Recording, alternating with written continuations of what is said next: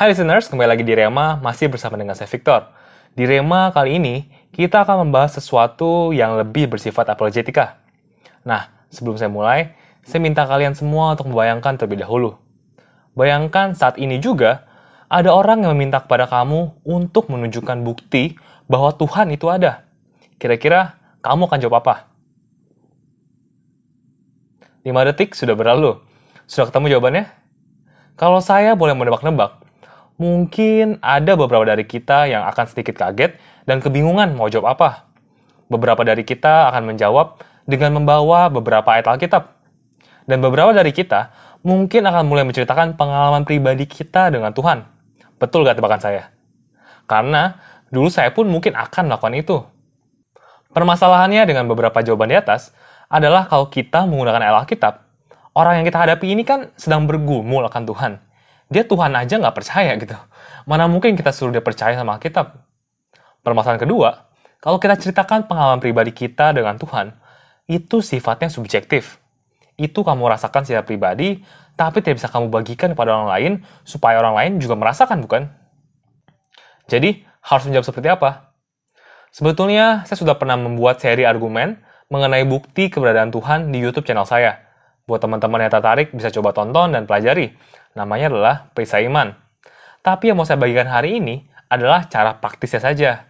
Karena saya juga tahu, mungkin nggak semua dari kita punya waktu dan ketertarikan untuk mempelajari hal itu secara mendalam. Walaupun menurut saya sebenarnya ini amatlah penting, karena ini adalah fondasi akan apa yang kita percayai mengenai Tuhan. Selalu ingat hal ini, kalau kita berada dalam situasi seperti ini, dan kita nggak terlalu menguasai jawabannya, hal yang paling baik adalah bertanya. Bertanya bukan untuk menghindar, tapi untuk mengerti sebenarnya esensi pertanyaan dia itu tuh apa sih? Pertanyaan pertama yang bisa kita coba tanyakan kepada orang-orang yang bertanya kepada kita mengenai bukti keberadaan Tuhan adalah yang pertama nih, apakah yang kamu maksud dengan bukti?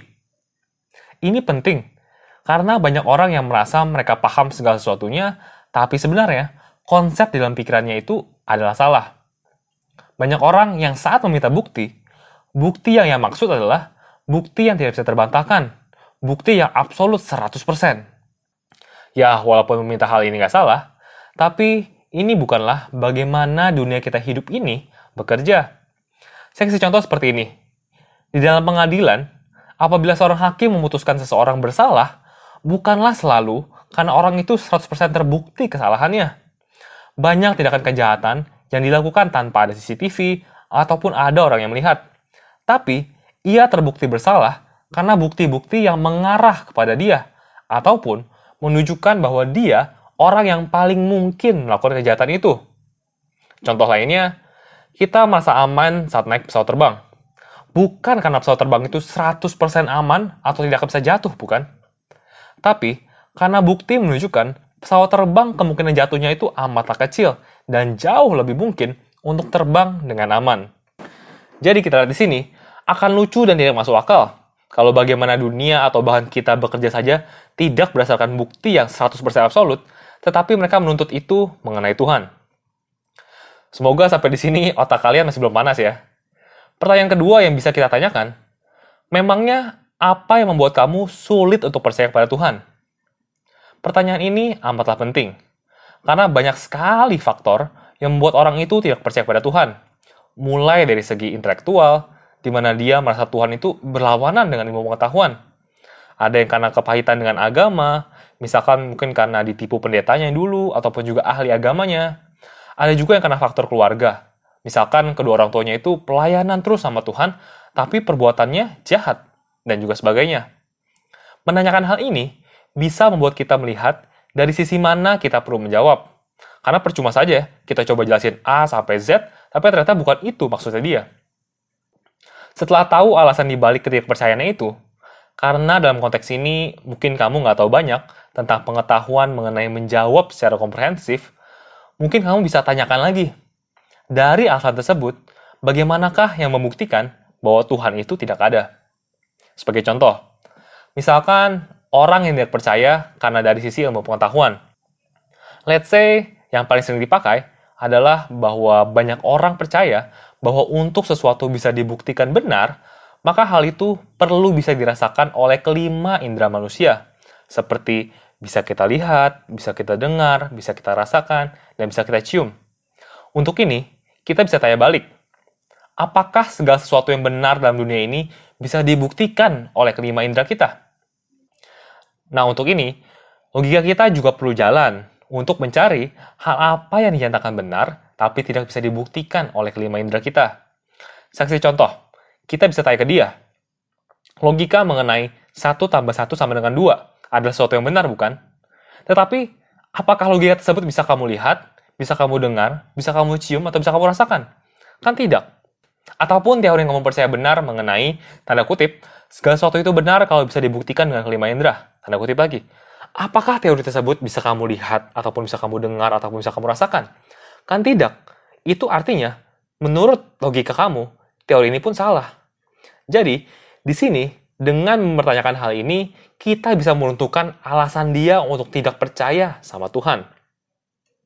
Kalau alasan berikutnya adalah kepahitan dengan pemuka agamanya, kita bisa tanyakan seperti ini. Apa yang membuat kamu berpikir bahwa pemuka agama kamu itu merepresentasikan segala sesuatunya mengenai Tuhan? Dan hal ini pun bisa kita pakai juga mengenai orang-orang yang mungkin juga kepahitan akibat orang tuanya. Alasan lainnya yang paling sering dipakai sebenarnya adalah karena banyaknya penderitaan di dunia ini. Dan untuk hal ini, kita bisa tanyakan balik kepada dia.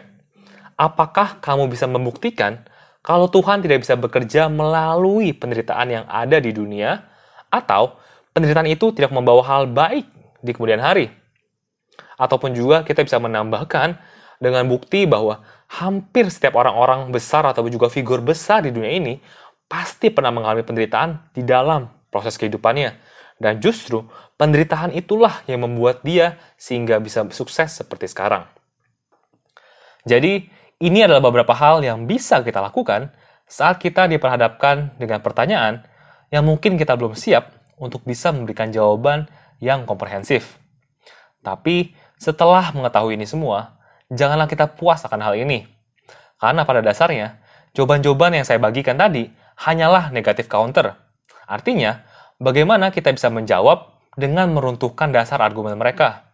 Sehingga yang tadi yang mereka tidak percaya sama sekali kepada Tuhan, menjadi lebih terbuka. Tapi kita sama sekali tidak menjelaskan sesuatu yang membuat dia percaya akan Tuhan. Untuk memberikan positif counter, tentu kita perlu punya pengetahuan, setidaknya dasar pengetahuan saja, mengenai bukti keberadaan Tuhan.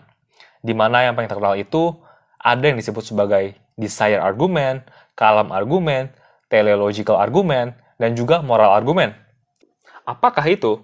Nah, teman-teman bisa Google sendiri dan coba cari tahu sendiri, ataupun teman-teman juga bisa coba tonton video di channel saya yang kebetulan sudah saya jelaskan semudah mungkin.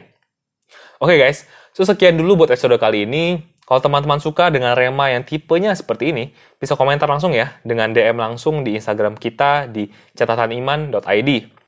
Dan kalau yang suka, nantinya saya akan buat seperti ini lagi mengenai langkah-langkah praktis apabila kita dipertanyakan mengenai iman kita. So, Thank you guys for listening.